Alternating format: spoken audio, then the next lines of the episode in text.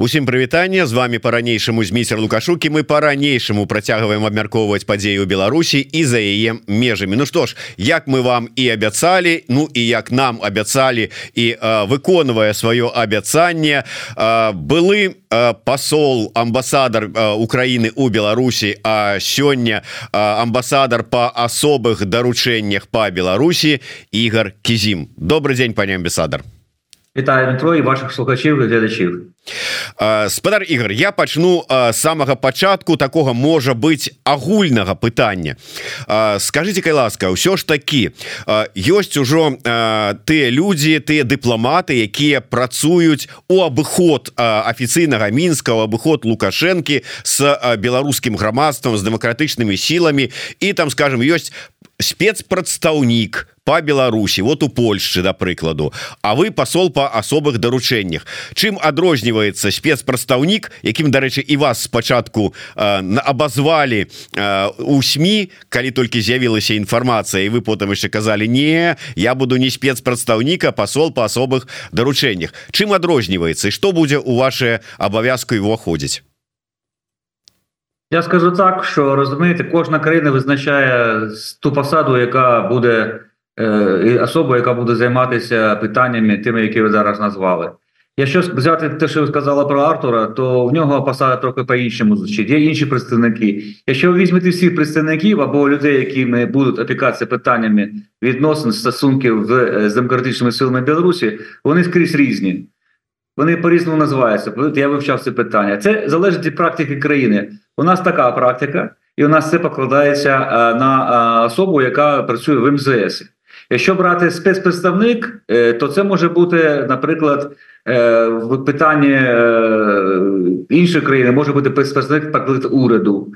Якщо ви знаєте, у Швеції вона так називається Кристина Йоханссон, вона називається Governor Representative, тобто переклад буде прямий, що ти там ну може бути інша якась назва. Є просто посли. Наприклад, взяти того самого представника Естонії, який фактично працює в Вільні у Вільнюсі, але виконує обов'язки таке ж контактної особи з демократичними силами України. Е, Ну розумієте, у нас просто практика така, що е, якщо людина в МЗС займається якоюсь країною або регіоном, то як правило покладаються на нього обов'язки ну комплексно, скажімо так. Ось ну до мене до мене тут, що ви розуміли, є департамент, є люди, які займаються питаннями безпосередньо, е, скажімо так, кураторством ці нашої амбасади, спілкуються. Ось і ну а у мене, оскільки трохи розширили ці е, обов'язки з урахуванням мого статусу. То все таки, е, і коли ми розмовляли з міністром закордонних справ, то виникла ідея, що все ж таки ми маємо враховувати реальність, яка наразі склалася у нас взагалі в цілому, і є демократичні сили Білорусі, які проводять свою політику, які знаходяться за кордоном, і чому е, ми маємо теж підтримувати з ними контакти. Я скажу, чому така думка прийшла, тому що хочемо ми цього чи ні. Відносини офіційні між е, Україною і Білорусі не становляться з року на рік кращими, скажімо так. У нас є залишається е, все ж таки е, за оцінками наших військових загроза з півночі України. Можливості повторення скажімо так подій 24 лютого 22 року, і тому ми маємо зараз спілкуватися не тільки з офіційним чинником, це ще не спілкуватися, а доводити до них наше занепокоєння, а можливо і більше скажімо так, е, тісно співпрацювати із представниками народу Білорусі, мається на увазі суспільства як такового. А ми розуміємо, що суспільство зараз е, поділено білоруське, хочемо того ні на декілька. Частин, ну головним е, розділом є те, що є частина білорусів, які живе в Білорусі, і є досить значна потужна частина, яка живе поза межами Білорусі. Тобто, в цьому випадку ми можемо і маємо, мені здається, апелювати і до того частини, і до того частини суспільства. І тут головне знов таки е, наше завдання, щоб убезпечити, зробити безпечним кордон, який у нас, як ви пам'ятаєте, між Білорусі і Україною складає 1084 кілометри. От якщо так коротко розуміти, так. а сама форма, назва спілкування або як там, це вже залежить конкретно від практики країни перебування. Тобто, це у нас така практика склалася, вона є. І ўсё ж таки спадар Ігор что сталася прычынай прызначэння? Ну вот здавалася б столькі часу прайшло такого вот чалавека як вы такой пасады не было і раптам прынятае такое рашэнне. Чаму Я вам кажу, просто все стає реальністю, що все ж таки є в білоруській білоруська сила демократична, яка перебуває за кордоном, і ми маємо запроваджувати будь-який механізм спілкування з білоруським суспільством, який буде допомагати нам убезпечити наш кордон. Тобто вирішити питання тому числі і безпеки. Це перше. По-друге, ми розуміємо, що демократичні сили Білорусі це не тільки центри, е, скажімо так, у Варшаві та у Вільнюсі, які я, як ви пам'ятаєте, називав вже в своїх деяких виступах, але у нас є така ж е, демократична сила, яка вважається центром певним. Це присутність е, полка Катуся Кадиновського. Тут у нас фактично бійців його так, і вони теж намагаються певний такий трек зробити політичний. Ось вони теж е, можуть роздатися як певний такий центр політичної е, сили, е, демократичних білорусних сил. Хочемо того чи ні. Я я вважаю, що вважаю, що все ж таки ситуація буде змінюватися. Ми маємо думати наперед, і ми маємо чітко знати і розуміти, що буде з Білорусією. Ну ну там не скажімо, не найближчий час, але все ж таки після демократичних перетворень, які я впевнений, відбудуться в Білорусі маленькое удакладненне на сёння дыпламатычныя адносіны паміж Киевам і мінскам на якім узроўні знаходіцца вони знаходяться на узроўні тимчасового представника письмового відізу це автоматично виконує старший дипломат який знаходиться він формально ну, він представляє Україну так мовити офіційно тобто через нього йде може йти будь-яка комунікація якщо відбувається між українською владою та е, цей цією офіційним е, владою теперішньою в Білорусі, це буде будь-яких питань. Наприклад, нещодавно було комунікація щодо кордону, там тобто кордонні питання, деякі були такі технічні вирішили, там щось за межами так стояло, чи щось таке. Може бути спілкування з приводу наших полонених, ну не полонених, а ув'язаних точніше. Це наша займається консульська служба. І може бути взагалі комунікація щодо консульських питань з будь-яких консульських питань щодо надання допомоги, в тому числі з повернення в Україну. Е, і це все відбувається через наше офіційне представництво в Мінську. Очевидно, що е, сьогодні ми не говоримо про будь-які політичні стосунки, і я можу сказати, що і про економічні. Тобто, вони всі у нас, як ви пам'ятаєте, були зроблені на паузі. От зараз вони перебувають. А особливо після того, як з території Білорусі почалося вторгнення, фактично вони зведені до нуля. А крім, е, якщо брати так конкретно, то треба говорити про існування більше таких е, вирішення питань консульського характеру, скажімо так, що стосується конкретних людей. Тым не менш вы працаўнік міністэрства замежных справаў Украіны. Ну то есть афіцыйны чалавек чыноўнік дыпламат афіцыйны. І зараз вы атрымалі у міністэрстве замежных справаў пасаду амбасадар по асобых даручэннях по Беларусі. Вы можете приехать у Беларусі сесці ў свой кабінет былы у посольстве Украины у мінску. Там по я не ведаю позвонить у МЗС лукашенковский сказать так я тут посол по особых доручениях организуйте мне сустрэчу з лукашенком Ні, це різні статуси Дмитро, треба розуміти дипломатичну службу. Посол України в Білорусі призначається указом президента і має повноваження від президента спілкуватися з вищими керівними особами тої держави, де він призначений. Для цього пишуться вірчі грамоти і таке інше. А посол з особливим дорученням, я ще раз кажу, це посада, яка знаходиться в Міністерстві закордонних справ. То я, звісно, можу комунікувати будь з ким. І мені треба обов'язково їхати у Мінськ, щоб позвонити якомусь чиновнику, якого телефон не знаю, у Міністерство закордонних справ Білорусі, скажімо так. Чи можна мені в'їжджати туди, чи не можна в'їжджати, це вирішує вже влада Білорусі теперішня. Тобто рішення буде допуску. Але якщо буде така потреба, тоді будемо говорити. Тут не можу говорити наперед. Формально, формально, мені е, мене, наскільки я знаю, що не включили будь-який список невізних, скажімо, осіб. Якщо треба буде спілкуватися з е, представниками, е, ну скажімо так, деяких відомств, скажімо. Білорусі, то формально я маю на це повноваження і буду спілкуватися за погодженням безумовно з нашим міністром або інших відповідних структур України. Пытанне ад нашага агульнага знаёмага выдатнага украінскага палітолага Евгена Марды да вас. Як будзе весціся дыялог с аб'яднаным пераходным кабінетам? Ці плануе спадаркі зім сустрэчу са Святланай ціхановскую і ці будзе с экспертнай супольнасцю сустракацца ну, це входить в мої плани. Скажу так, що для того, щоб чітко сформувати стратегію, і я, до речі, знаю, що і пан Євген теж е, до цього спільноти належить. Ми спілкувалися з ним колись. Е, Я кажу так, що у нас фактично ми знаходимо. Ну я для себе особисто можу сказати, що знаходжусь на певному початковому етапі, і очевидно, щоб щоб опрацювати стратегію, взагалі розуміти, е, що ж робиться зараз у кампі, тобто в таборі демократичних сил Білорусі, які настрої, і що які їстьками там прохання до нас для того треба спілкуватися. Тому очевидно, що я буду спілкуватися з представниками. Я вважаю всіх е, демократичних сил, які захочуть спілкуватися зі мною.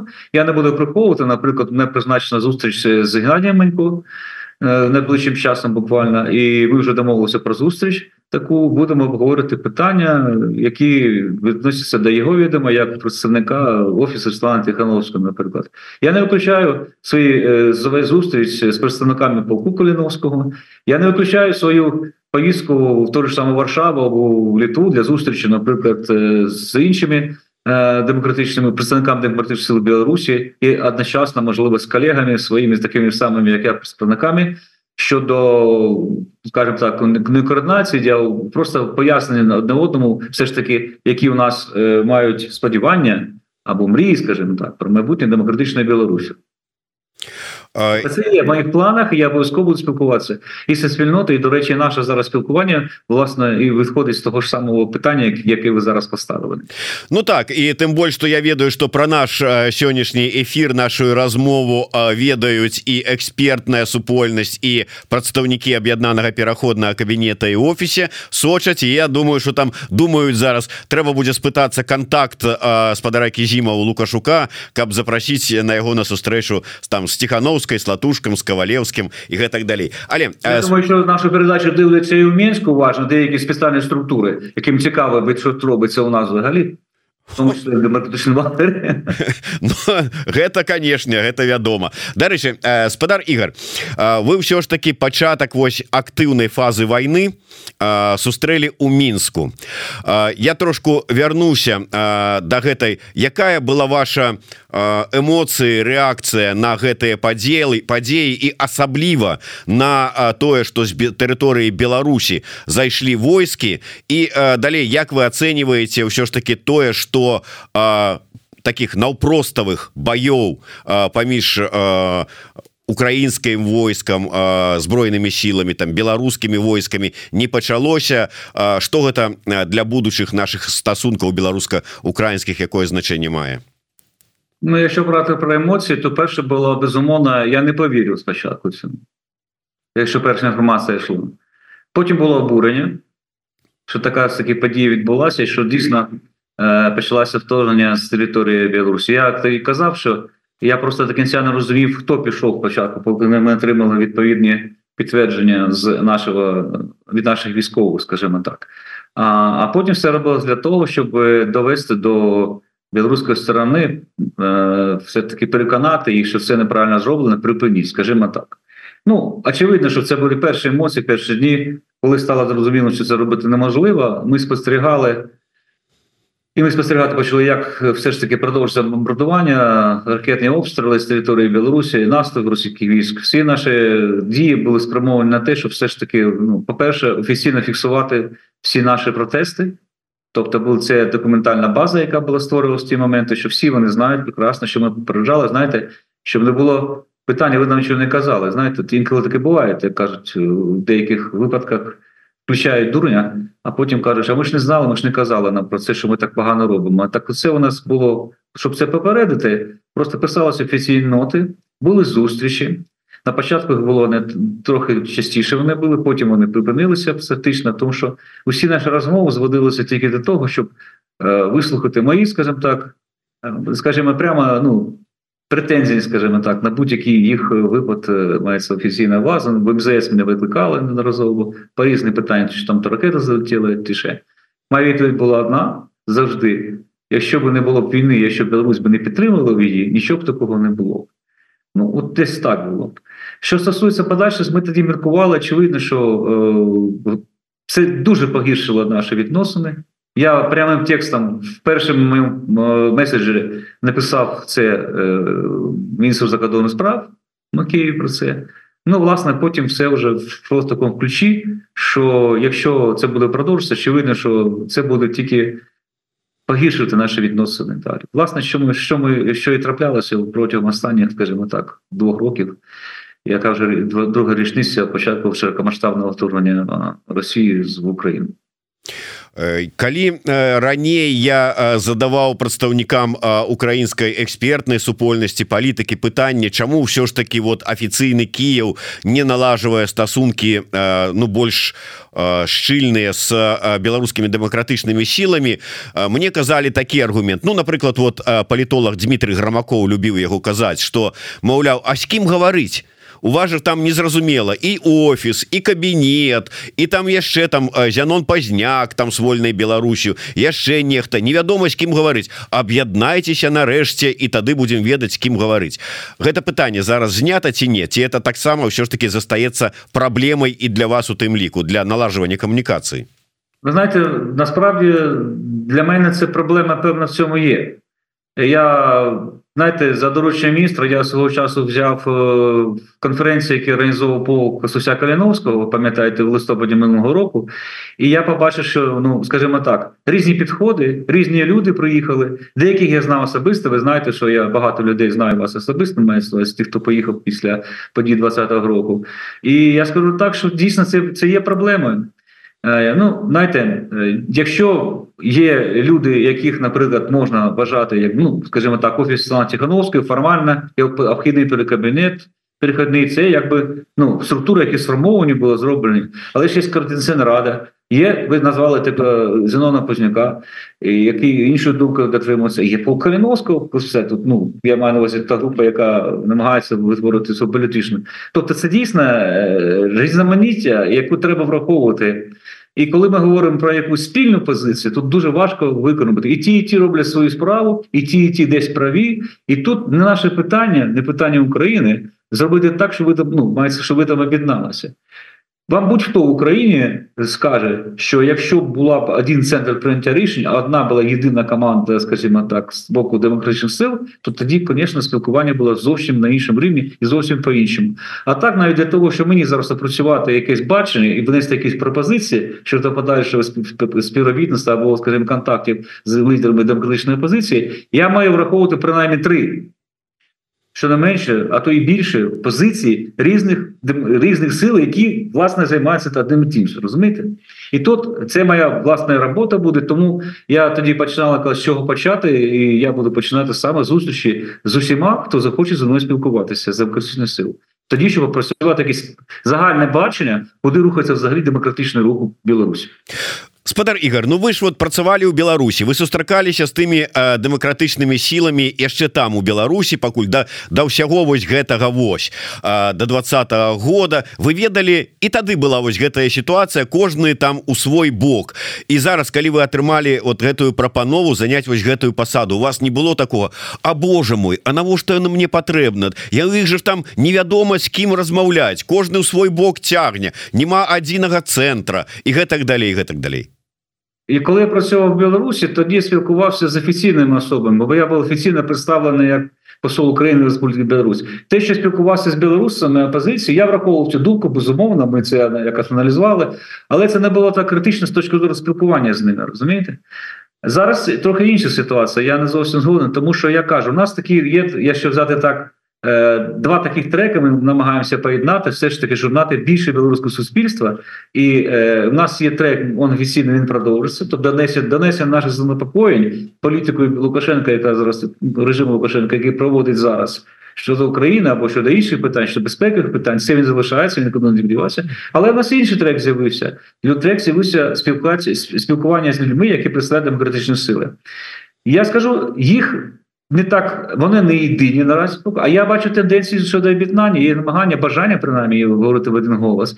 І ми можемо говорити, я жару десь проставлять центр їх 3-4, тобто не більше.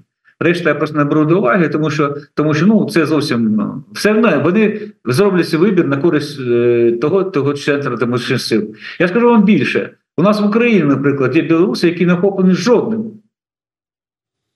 центром політичним, скажімо так. Це наша ну, білоруська діаспора, яка жила тут і зараз, бо яка приїхала за різних обставин з Білорусі, і я не бачив, щоб вони створили якийсь такий знаєте, центр, наприклад, як е, офіс Слава Тихановського, або десь ходили якісь туди. Це теж люди, які тут живуть, білоруси, вони теж мають якийсь вибір зробити. Розумієте, не просто чекати. І з ними теж треба спілкуватися. Так, Я не бачу тут проблем в тому плані, що порівняння мені здається не зовсім коректно. що Коли я був в Білорусі, я працював. Я зовсім по-іншому дивився на на опозиційний рух, на демократичний рух і так далі. так далі. Більше того, деякі з них взагалі підтримував їхні ідеї. Я не буду говорити про організацію, яка це займалася, але коли я бачив, який захід проводиться. І на цьому заході, який, начебто, підтримує Україну за Україну, а потім приходив і бачив е, один прапор український і п'ять прапорів БЧБ. Тобто, ну це не зовсім коректно. Якщо ви опозиції, маєте зупинитися опозиції, може займатися. Якщо ви займаєтеся підтримкою України, то буде українська тематика, там буде головна бути. А коли поставити флаг України, прапор України і прапори е, е, БЧБ, то тоді це давайте так розбиратися. Так ви проводите захід ради чого? Ради щоб вас почули білоруси, то що ви презентуєте свої програми, так? Або ви хочете, ну скажімо так, під прапором України зробити свої справи в Білорусі. Ну так не буває. Зараз чепка. Це зрозуміло, зрозуміло. У вас є свої лідери, у вас є свої всі воля, у вас свої і так далі е, принципи, які ви застоюєте так, і ви не використовуєте нікого іншого. І це правильно. Якщо ви проводите про білоруську політику, ви маєте до кінця проводити зі своїми лідерами, своїми, за своїми, е, скажімо, е, підходами, напрямами, задачами, метами і так далі. І так далі. А, ну, різні треки так що я тут не зовсім до здійшав Ну да да не не я меў на увазе просто что а, вы как бы а, ведалі что адбываецца падчас працы ў мінску просто даведаліся что сябе уяўляе беларускія дэмакратычныя сілы апозіцыя вы то есть не былі такі чалавек які якому там далі даручэнне а ён яшчэ не ведае на что ён пагаджаецца вы уже былі ну, пачнем з того що я не знав Святланы тихохановской на тот момент разумееце Ну так да а, і не спілкувався з нею, наприклад, розумієте? Тому що я спілку, я спілкувався, тоді ще називалися опозиційні сили, або їх зараз немає на політичній мапі, скажімо, демократичних сил, бо вони залишились деякі в Білорусі, е, наприклад. Е, ну, хто у нас та ж та ж сама Альона Нісім'я була там, коли спілкувалися так, вона офіційно була депутатом парламенту, це інша одна категорія. Той же саме е, говори правду, якщо ви пам'ятаєте, Андрій там, да? вони вийде зараз за гратами сидять, да? а Тетяна Карацкевич, вона десь там щось ходить, десь там ну, по Фейсбуці там. Ну, десь гуляє, коротше, десь на просторах Білорусі. Тобто, я кажу, те люди, які там були, це інші люди були, скажімо так. Моє враження. Більш того, я вважаю, що ці люди, які поїхали після 20-го року, пізніше, після репресій, у них взагалі інші підходи стали до цього.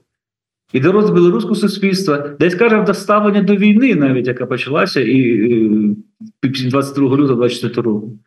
Все помінялося. Да тут вы правы а, так удакладняюць у вас ці ўсё ж таки можа пан амбасадар весці перагаворы з афіцыйным мінскам Якщо буде таке доручення ми будемо це питання опрацьовувати так скажу дипломатично Якщо буде таке доручення президента або міністра закордонних справ, і білоруська сторона погодиться це робити за моєю участю, ми будемо такі переговори проводити.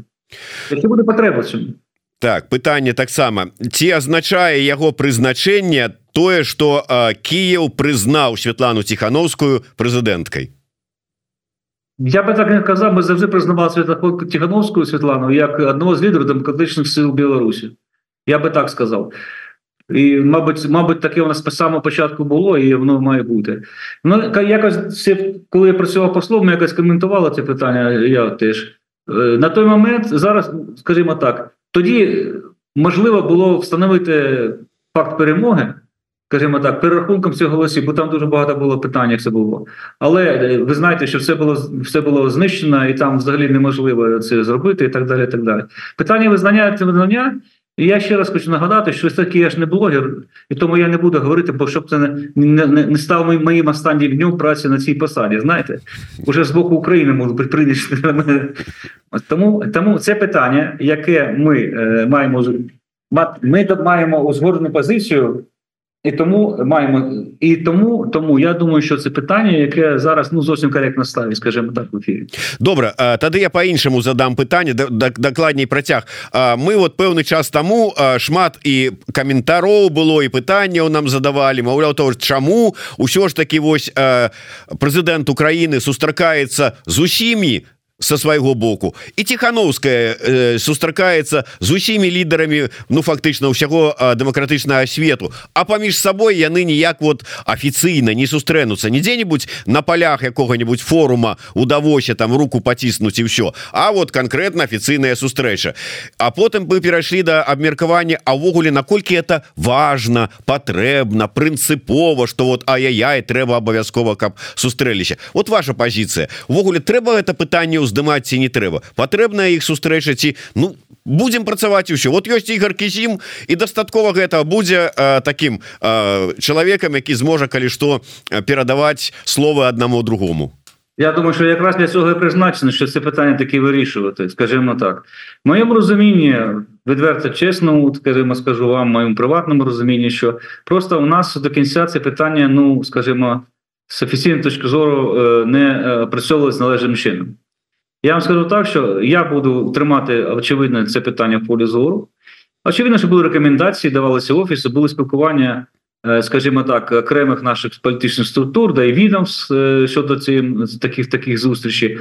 Але я думаю, що все ж таки, все ж таки, е, я не готовий зараз відповісти.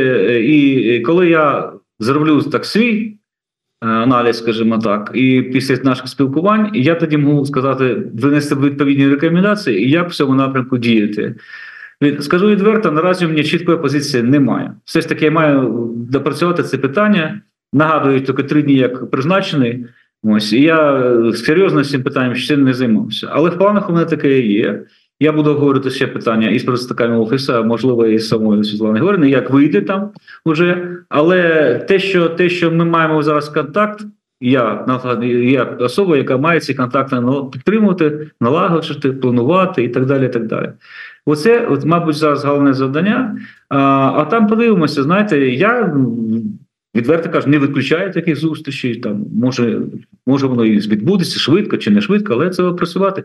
Треба розуміти, що зараз, ну давайте відверто казати, у нас дуже багато питань і іншого характеру президента, тобто його зараз. ну, він проводить зустрічі, якщо подивитися ці зустрічі, які він проводить в найвищому рівні, вони стосуються виключно питань перемоги України над Росією у цій війні. Все, подивіться, будь-який будь-який візит, як правило, від зустрічі відбувається це або допомога гуманітарна, або військова допомога, або ще е, якась там підтримка. У нас така серйозна фінансова. Тобто, розумієте, да? який вибір е, зустрічі і візитів планує президент наш. Ну, скажімо, відверто, що просто якщо брати можливо, ну ми давайте подивимося відверто, що можемо отримати від цієї зустрічі України, скажімо так, в тому вигляді, яку зараз ну, вивчає. Тобто тут треба думати, говорити і може напрацьовувати дійсно якісь інші підходи до цих зустрічей. Дійсно, так зрозуміло сказати, але це йде це в нашій темі, в моїй адженді це є. Я буду однозначно буду шукати відповідь на це питання, і я йому відповім вам і в наступному ефірі. Може. Дякую вялікі так я ведаю что у спадара ігора запланавана сустрэча з міністрам замежных спраў з яго начальствам а а... совсем з міністрам казав, може бути але і зустріч іншого характеру так але э, я коротко тады э, два вельмі важных пытання. Одно такое пачынаецца троху жартаўлівае у нас тут пытаются просяць перадаць пытанне ці хоча спадар э, кізім атрымаць пашпарт новой Беларусі.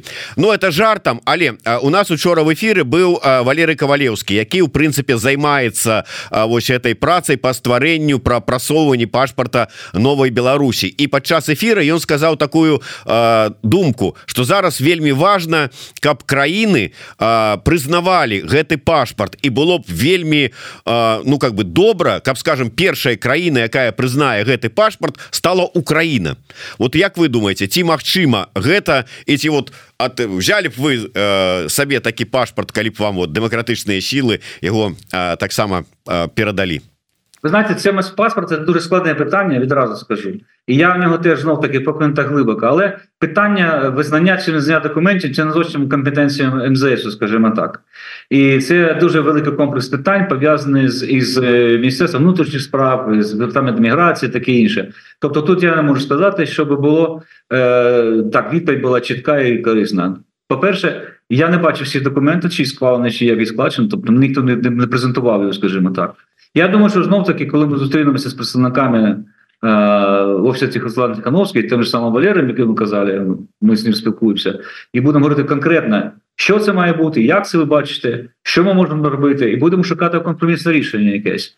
Тому що я знаю, що це питання не, не складне, і воно складне не тільки до України, воно складне для будь-якої країни європейської, і ті ж саме Польщі, і ті ж саме Литви, і так далі, які найближче зараз до білоруських демократичних сил. Тобто, це питання дуже складне, але все одне розумієте, ми почали цей шлях, і ми маємо йти його. Не вирішиться питання, якщо не займатися. На мою думку, в Україні ніхто не займався цим питанням взагалі ще. Тому я кажу, ми знаходимося на початку того шляху, який має пройти разом з вами. І на завершення вигода пільний інтерес. Але якщо дозволити пошукувати, теж так коли я тільки був призначені, то мої колеги навпаки ходили, кажуть: О, та ти будеш акредитований при ось Світлана Тихановська тепер. Ну так да, да рэчы важное пытанне это даверчыя грамоты будете ёй перадаваць? Кажу. Спадар Ігор апошняе пытанне. Мы з вами кажам на такія палітычныя дыпламатычныя сур'ёзныя тэмы але ёсць тэмы бытавыя звычайныя. Праблемы з простых беларусаў з якімі яны сутыкаюцца тых беларусаў якія жывуць ва ўкраіне у ваша пасада дае магчымасці і інструменты каб дапамагаць гэтыя праблемы вырашаць Я думаю, що певною мірою так, оскільки коли ми будемо говорити про проблеми білорусів, які тут проживають, це все ж таки, хоча вони відносяться більше до компетенції відомств інших, наприклад, департамент міграційних сил, але враховуючи деякі особливі питання то я думаю, що ми тут можемо працювати разом, і очевидно, що ми будемо якісь давати рекомендації з цього приводу тим відомствам, які ці питання вирішують. Ну, давайте такий приклад більш такий ну, зрозумілий. Якщо, наприклад, людина воювала у складі е, полка Каліновського і отримала просто поранення, і вона наразі не може ну, отримати, тобто вона не може отримати допомогу, тож медичну, нормально, як людина, яка фактично постраждала. Ну, мабуть, ми маємо якийсь моральний хоча б зобов'язок, щоб допомогти цій людині. І тут я думаю, що ми це будемо обговорити. До речі, це одне з питань, які я хотів поставити і під час зустрічі з запланової зустрічі з представниками е, полку Каліновського і з тим же самим Геннадієм Менько. Тобто ми маємо весь комплекс питань зараз підняти, які можна. Розумієте, дуже поки питань накопичилось. До цього часу, якщо я пам'ятаю, була відповідальна людина. Тут були зустрічі, очевидно. Ну ці зустрічі, як правило, закінчуються формуванням одного одного про щось. Я думаю, що все ж таки моя посада в цьому плані буде більше е, такою, що буде сприяти вирішенню проблемних питань, які існують, але це має бути спільне вирішення. Тобто разом ми маємо консультуватися на постійній основі, допомагати одне одному вирішити це питання. Україна буде вирішити питання, якісь перше насамперед своєї безпеки через спілкування з Абрикосами Білорусі. Я думаю, що Білорусь демократична сила також будуть спілкуватися зі мною для вирішення деяких своїх питань, в тому числі про які ви говорили. Тут треба вапільні інтерес знайти такий знаєте, компроміс щодо наших проблем, які ми можемо одне одному допомогти вирішити. Я бы так сказал. Дякую вялікі. Ну я ведаю что спадар Ігор що ж таки спяшаецца. Хоць пытанняў да яго вельмі шмат і мы увогуле любілі з ім раней пагаварыць. Хацелася б і пра балта-чарнаморскі саюз пагаварыць і пра ўвогуле люблінскі трохкутнік. Дарэчы Як вы думаете ўсё ж таки улюбленскі трохкутнік вот наступнае пасяджэнне можа быть прадстаўнікі дэмсіл беларускіх запрошаныя? Ну я не знаю я бы хацеў напрыклад але знов таки це має бути узгоджене рішення багатьох е, відом, скажімо так. Ну я думаю, що принаймні питання може було поставити, але я зараз ще не готовий говорити, тому що треба знов таки підняти питання які будуть обговорюватися в рамках цього Люблінського трикутника, і чи буде там місце для обговорення питань, наприклад, білоруських демократичних сил? Це визначається, значить, я ми мають на увазі, мабуть, і саміт, які відбудуться. Дивіться, я я ще не готовий це сказати, але ну я думаю, що білоруське питання має бути на порядку денному Люблінського трикутника в цілому. Скажімо так, я найближче скажімо так найбільш така близька структура яка ну, завжди межує з Білорусі наприклад тобто Білорусь має бути очевидно що білоруське питання має бути стояти тому що це ну найбільший кордон з Білорусі це якраз Якщо загально взяти гульня, як ви кажете, взяти, то це буде Білорусію. Я думаю, що білоруське питання має бути на порядку денному Любецького трикутника. Чи буде це зараз, не знаю, але в будь-якій формі я думаю, що я буду давати рекомендації саме такі. Дякую вялікі. Ну что ж я спадзяюся что калі спадар Ігор даедзе до да варшавы каб ладзіць тут сустрэчы ён абавязкаў абавязкова завітае до да нас у студыю каб мы яшчэ раз праз колькі гадоў сустрэліся з ім как говорится вочы ў вочы паціснули один аднаму руку і таким чынам зафіксавалі что ўсё ж таки беларусы і украінцы разам і назаўжды. Дякую вялікі спадар Ігор до да сустрэчы. Жыве Беларусі. Слава Украіне Героям слава, до побачення.